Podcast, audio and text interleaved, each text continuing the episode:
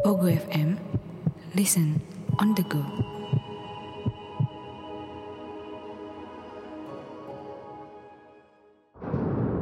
Hai, saya Chow Sing Sing. Selamat datang di podcast Horror Night Story.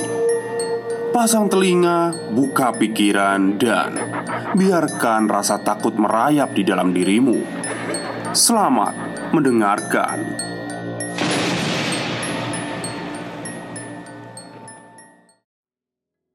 Assalamualaikum warahmatullahi wabarakatuh. Halo semuanya Jumpa lagi dengan saya Chow Sing Sing Kurator dari podcast Horror Night Story.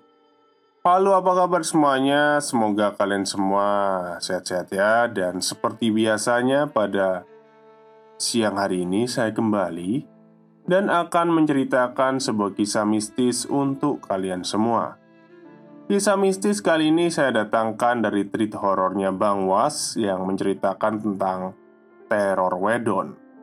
Wedon itu demit sejenis pocong gitu ya. Oke, daripada kita berlama-lama, mari kita simak ceritanya. Wedon adalah sejenis makhluk pocong Namanya kurang begitu terkenal dibanding dengan pocong, kuntilanak, genderuwo, buto hijau, tuyul, dan lain-lain. Namun, namanya tidaklah asing bagi sebagian warga di tanah Jawa. Sosok Wedon terkenal dengan makhluk yang jahat, di mana dia suka mengganggu manusia bahkan bisa melukai dengan cairan ludah yang disemburkan. Bisa juga sosok itu merupakan kiriman dari dukun ilmu hitam untuk melakukan teror di suatu wilayah. Peristiwa teror Wedon ini terjadi di sebuah desa yang berada di kota kecil Jawa Tengah. Pelakunya sendiri adalah seorang warga desa setempat. Dikarenakan wilayah itu adalah lokasi yang menghasilkan beras dengan kualitas terbaik. Dari situlah pelaku meminta bantuan dukun untuk meneror warga dengan tujuan agar mereka mau menjual sawah dan tanahnya dengan harga yang murah, yang di mana tanahnya nanti akan dijadikan sebuah perkebunan dan sawahnya akan ditanami dengan padi. Sore itu, warga yang sebagian besar berprofesi sebagai petani sedang bersiap-siap pulang kembali ke rumah masing-masing. Namun, sebelum itu, seperti biasa, mereka sejenak menyempatkan diri untuk sekedar ngobrol dan beristirahat sambil menikmati sebatang rokok sebelum maghrib tiba. Pak Wiro yang biasa disapa Pak Wir, beliau adalah ketua RT serta ketua paguyuban petani di daerah tempat tinggal sekitar. Waduh, udah musim kemarau ya Pak Wir. Alhamdulillah airnya nggak kering Ujar Pak Pujo memulai percakapan. Iya ini pak. Daerah kita kan banyak sumber mata airnya. Jadi pas kemarau ya nggak pusing lah cari air. Kata Pak Wiro. Sesaat sebelum maghrib menjelang Pak Wir pun mengajak para petani untuk kembali ke rumahnya masing-masing. Ya wis, Ayo lang balik bapak-bapak. Mau petang ini. Siap-siap berangkat ke musola. Ajak Pak Wir seraya menaiki sepeda kesayangannya. Para petani itu pun mulai membubarkan diri dan bersiap untuk kegiatan selanjutnya. Ada yang mandi, kemudian menuju musola ada yang masih menyiapkan pakan untuk ternak mereka Dan ada yang mampir ke warung untuk sekedar membeli kopi dan gula Malam itu selepas Isya para warga berkumpul di pos ronda. Kegiatan itu mereka lakukan setiap hari demi menjaga keamanan desa mereka. Sebut saja Pak Baskoro. Beliau adalah seorang pebisnis yang terkenal ramah dan dermawan terhadap warga sekitar. Beliau memiliki sebuah peternakan sapi yang berjumlah puluhan hingga ratusan ekor. Peternakan itu berada di ujung desa agar bau kotoran sapi tidak mengganggu warga sekitar. Bisa dibilang, bisnis yang ia tekuni terbilang sukses. Setiap minggu. Selalu ada permintaan untuk pengiriman sapi hingga keluar daerah. Kopinya udah ada belum bapak-bapak? Sapa Pak Baskoro dengan ramah waktu menghampiri. Waduh, belum nih juragan. Hehe. Jawab Pak Cipto sembari tertawa. Ji, bilang sama Lek Jum Suruh buatin kopi buat bapak-bapak Sekalian suruh gorengin singkong sama pisang yang dipanen siang tadi. Siap laksanakan bapak. Jawab Parji sembari berlalu melaksanakan perintah dari Pak Baskoro. Di dalam pos itu terlihat sebuah rumah yang cukup besar serta pekarangan yang cukup luas. Bukan di dalam ya, mungkin di samping atau di belakang pos itu. Ya. Masa ada rumah di pos? Ya, itu adalah rumah dari Pak Baskoro yang terletak di depan pos ronda. Hampir setiap hari, Pak Baskoro selalu menyediakan kopi hingga camilan untuk bapak-bapak yang sedang berjaga malam. Sekitar 30 menit berselang, kopi beserta singkong serta pisang goreng tersaji di depan mereka. Monggo, bapak-bapak, silakan dinikmati. Mumpung masih hangat. Waduh, terima kasih loh, Pak ya. Tiap hari kok jadi ngerepotin kami Walah, enggak Pak RT Saya juga terima kasih Rumah saya sudah dijaga sama bapak-bapak semua. Hingga sekitar pukul satu dini hari Mereka pun mulai melakukan patroli keliling kampung Dengan membagi menjadi dua kelompok. Tidak ada hal yang aneh waktu itu.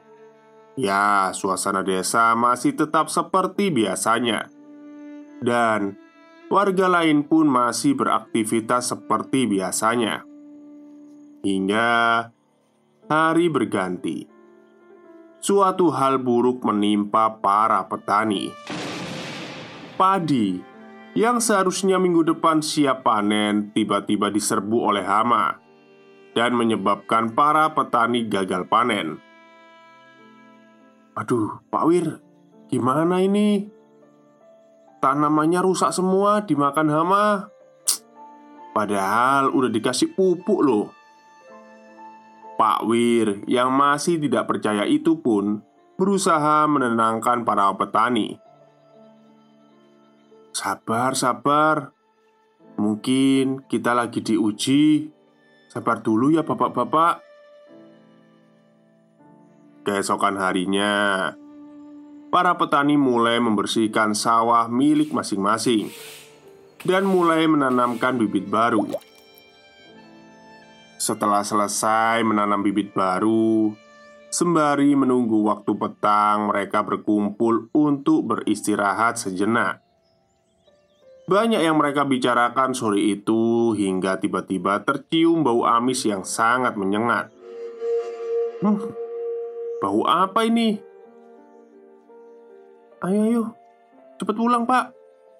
Udah maghrib ini. Kejadian itu sempat membuat mereka bertanya-tanya dan juga membuat mereka merinding sore itu. Malamnya pun, seperti biasa, para warga berkumpul di pos untuk melakukan kegiatan ronda malam hari. Pak Wir, Kira-kira tadi itu bau apa ya? Kok baunya seperti darah? Udah, nggak usah dibicarakan lagi, Pak. Nanti malah datang dia. Memang ada apa toh, Pak D? Tanya seorang warga yang penasaran. Tadi habis nanem pas mau maghrib, tahu-tahu bau amis darah le. Ah, mosok toh Pak D? Woi, dikandani gak percaya. Ini loh bapak-bapak di sini tuh saksinya. Bener begitu Pak Wir? Udah, udah. Wes, gak usah diomongin lagi. Nanti kalau datang bahaya. Suasana pun sedikit mencekam malam itu. Tumben Pak Bas kok belum kelihatan nawarin kopi. Bus, kamu itu jangan berharap ke orang terus toh. Ya mungkin Pak Bas baru ada keperluan di luar. Bos besar itu urusannya ya pasti banyak. Gak cuma menyediakan kopi buat kita aja. Iya Pak Wir Bentar ya Saya ambil teko sama gelas dulu Pak Parman pun kembali ke rumah untuk membuat satu teko kopi Untuk menemani bapak-bapak yang sedang bertugas ronda. Saat sebelum sampai di pertigaan desa Pak Man tiba-tiba mencium bau amis yang cukup jelas. Aduh Ini siapa ya yang buang bangkai di sini? Baunya busuk banget. Gumam Pak Man sambil menutupi hidungnya dengan sarung. Saat mulai mendekat Ada sekelebat kain putih yang menghantam pohon di pekarangan kosong itu Pak Man yang terkejut segera berlari Mendatangi asal suara itu Woi, siapa itu? Ayo keluar saat Pak Man sampai di tempat asal suara itu. Tiba-tiba muncul sesosok makhluk putih yang berdiri tepat di hadapan Pak Man. Dengan wajah yang busuk dan banyak belatungnya Serta bau amis yang cukup menyengat. Sosok itu menyerupai pocong. Namun terlihat agak tinggi sehingga Pak Man harus mendongakkan wajahnya ke atas. Pak Man yang terkejut melihat sosok mengerikan itu langsung berteriak, "Pocong, pocong, tolong, tolong, ada pocong!" Pak Man berteriak sekuat tenaga dan segera menjauh dari sosok itu. Namun, siapa sangka sosok itu malah mengejar Pak Man yang sedang mencari pertolongan warga. Tolong pak, tolong Aku dikejar pocong. Tak jauh dari tempat itu Pocong pun meludah ke arah Pak Man Mengenai tangannya.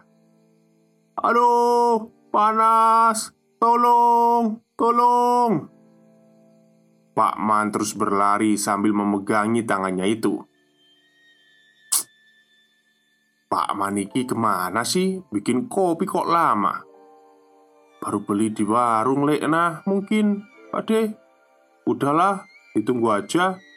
Lagian warungnya Lekna kan ada di timur desa. Pak Wir pun samar-samar mendengar suara orang minta tolong. Dengan sedikit terkejut, Pak Wir bertanya kepada warga yang ada di situ. Eh pak, dengar suara gak? Kok kayaknya ada suara orang minta tolong ya? Tolong pak. Tolong. Oh, oh. Iya pak. Tolong pak. Kayaknya ini suaranya Pak Arman. Ayo, ayo buruan didatengin. Takutnya ada apa-apa. Para warga pun mulai mendatangi asal suara itu. Dan benar saja mereka menemui Parman yang berlari ketakutan. Eh, eh, eh, Bob. Ada apa, Man? Ada apa? Kamu kok lari-lari? Pocong pak Pocong Hah? Pocong? Di mana pocongnya? Ah, saya dikejar-kejar pocong, Pak. Di kebun kosong saat hampir sampai rumah. Terus saya disembur kena tanganku. Ini panas banget. Waduh. Wedon itu. Pasti wedon yang kamu yang ngejar kamu itu, Man. Terus sekarang wedonnya di mana?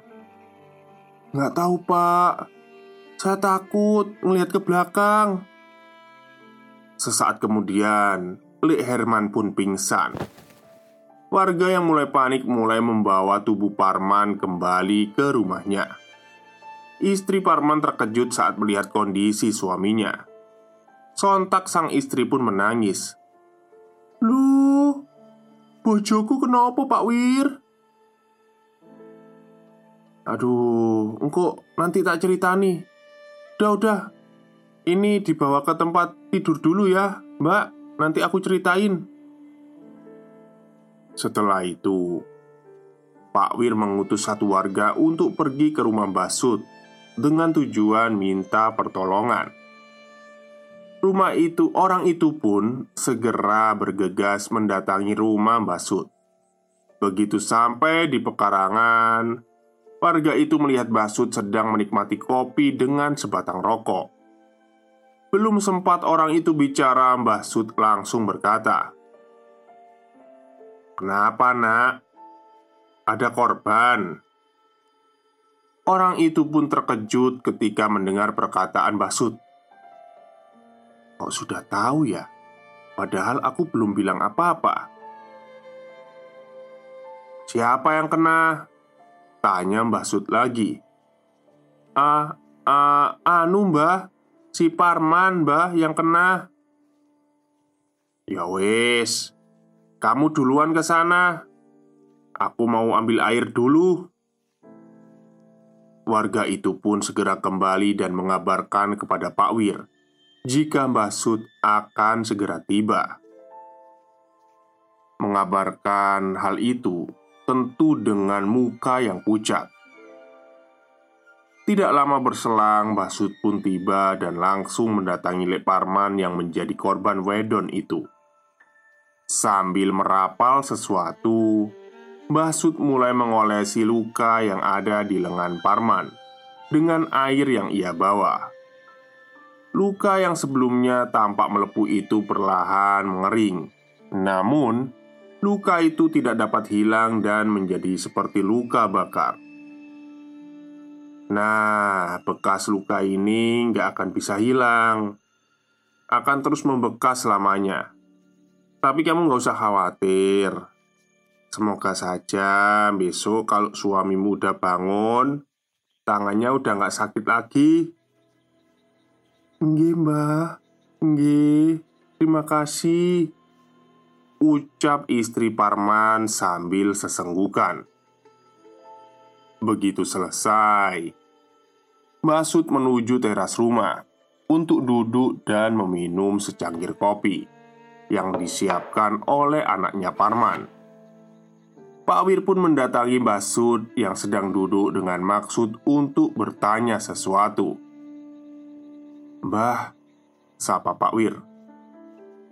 Hmm, Kayaknya ada orang yang mau neror kampung sini. Entah apa maunya. Wedon-wedon itu nggak bakal pergi dari sini sebelum bisa menemukan siapa pengirimnya. Atau bisa membunuh setan-setan itu. Ini jelas ilmu hitam. Udah mengabdi sama iblis Kalau caranya seperti ini akan banyak orang yang mati karena ulah manusia itu. Jawab Basud Pak Wir yang kaget mendengar pernyataan dari Mbah Sud Hanya bisa terduduk lemas. Terus gimana bah? Mulai besok, kalau udah marib jangan keluar dari rumah Sampai aku bisa mengembalikan kiriman itu sama yang ngirim Besok aku mau datang ke tempat kawanku mau minta tolong kalau aku sendiri yang melawan ya sama aja, cuma cari mati. Saat pagi hari, Mbah Sud mulai berangkat menuju rumah kawannya yang terletak di daerah pegunungan. Butuh waktu 2 sampai 3 hari untuk sampai di sana. Menjelang malam, keadaan desa menjadi lebih mencekam. Tidak ada aktivitas warga di luar rumah. Jaga malam pun segera mereka tiadakan untuk menghindari hal-hal yang tidak diinginkan. Waktu tengah malam tiba, di rumah salah satu warga tiba-tiba ada yang mengetok pintu.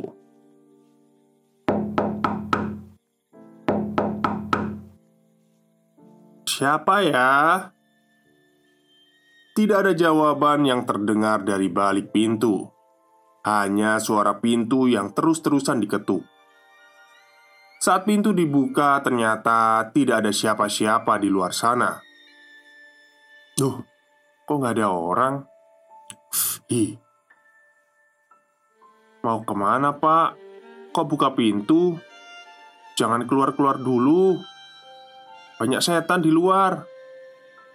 Eh, bu, kamu nggak dengar apa ada yang ngetuk pintu? Enggak, iya pak. Lah, Siapa juga toh pak yang mau bertamu tengah malam kayak gini? Ada-ada aja Bapak salah dengar kali Udah ayo tidur lagi Saat berbalik Tiba-tiba pintu kembali diketuk. Namun ketukan kali ini lebih keras dari yang sebelumnya. Dan yang lebih menakutkan ada bau aneh yang tiba-tiba.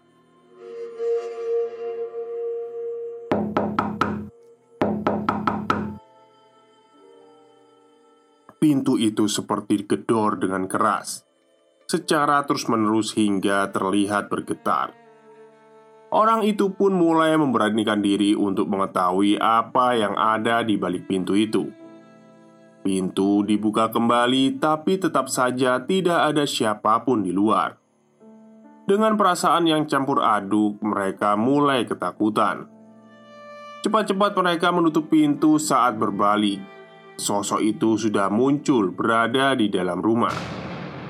Sosok itu muncul dengan bentuk yang sangat menyeramkan. Mereka yang kaget hanya bisa diam dengan mata yang melotot dan mulut yang menganga. Mereka tidak menyangka jika makhluk itu akan datang ke rumahnya.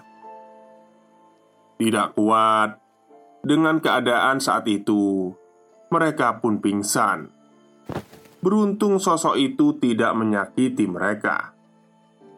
Pagi harinya, warga pun mengadakan pertemuan dadakan di aula kampung.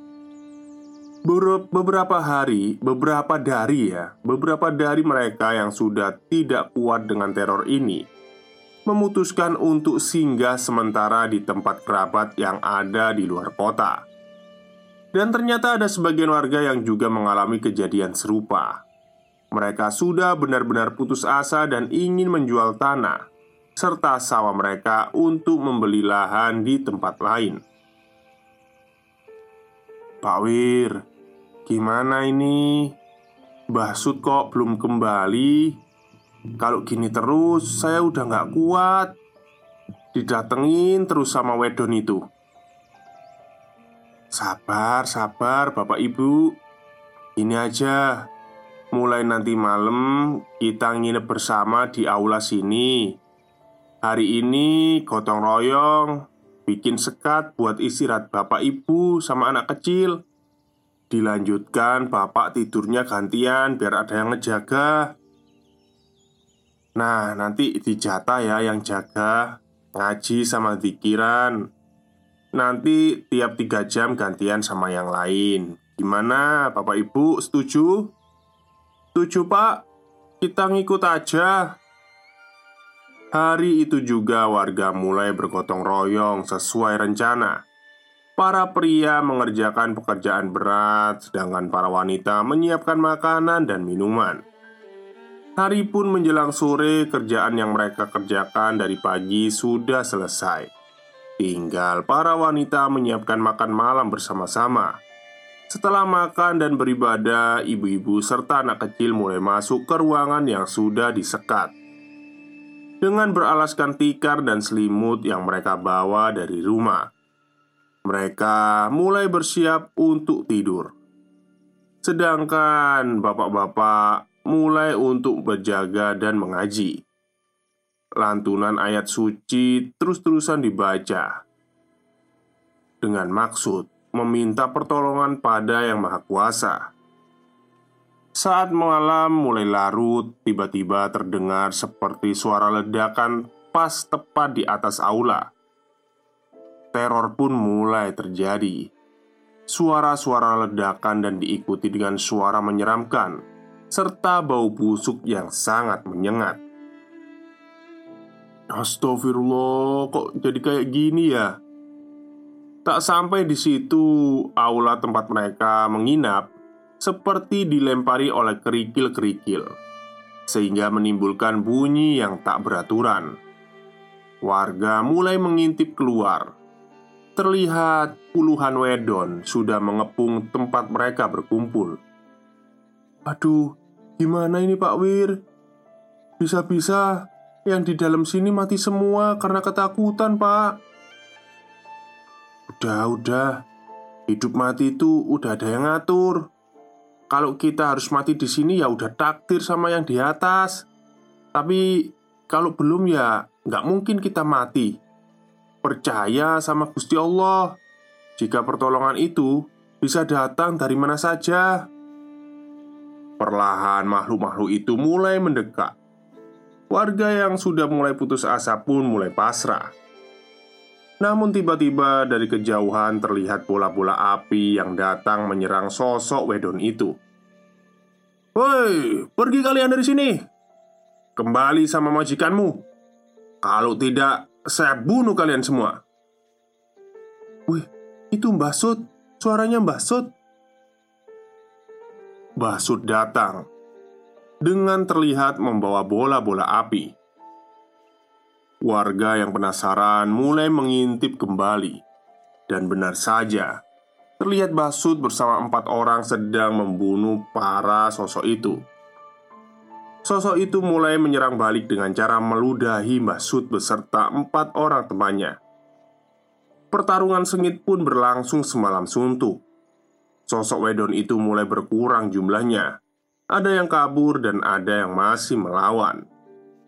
Oh ini party ya akhirnya ya. Hingga tersisa satu makhluk Basud berusaha untuk menangkapnya. Tangkap, tangkap, jangan sampai lari Perintah dari seorang kawan Basud Dengan sisa tenaga dan susah payah Akhirnya sosok wedon itu berhasil ditangkap dengan menggunakan sejenis kain Bertuliskan aksara Jawa Ayo, siapa yang kirim kamu?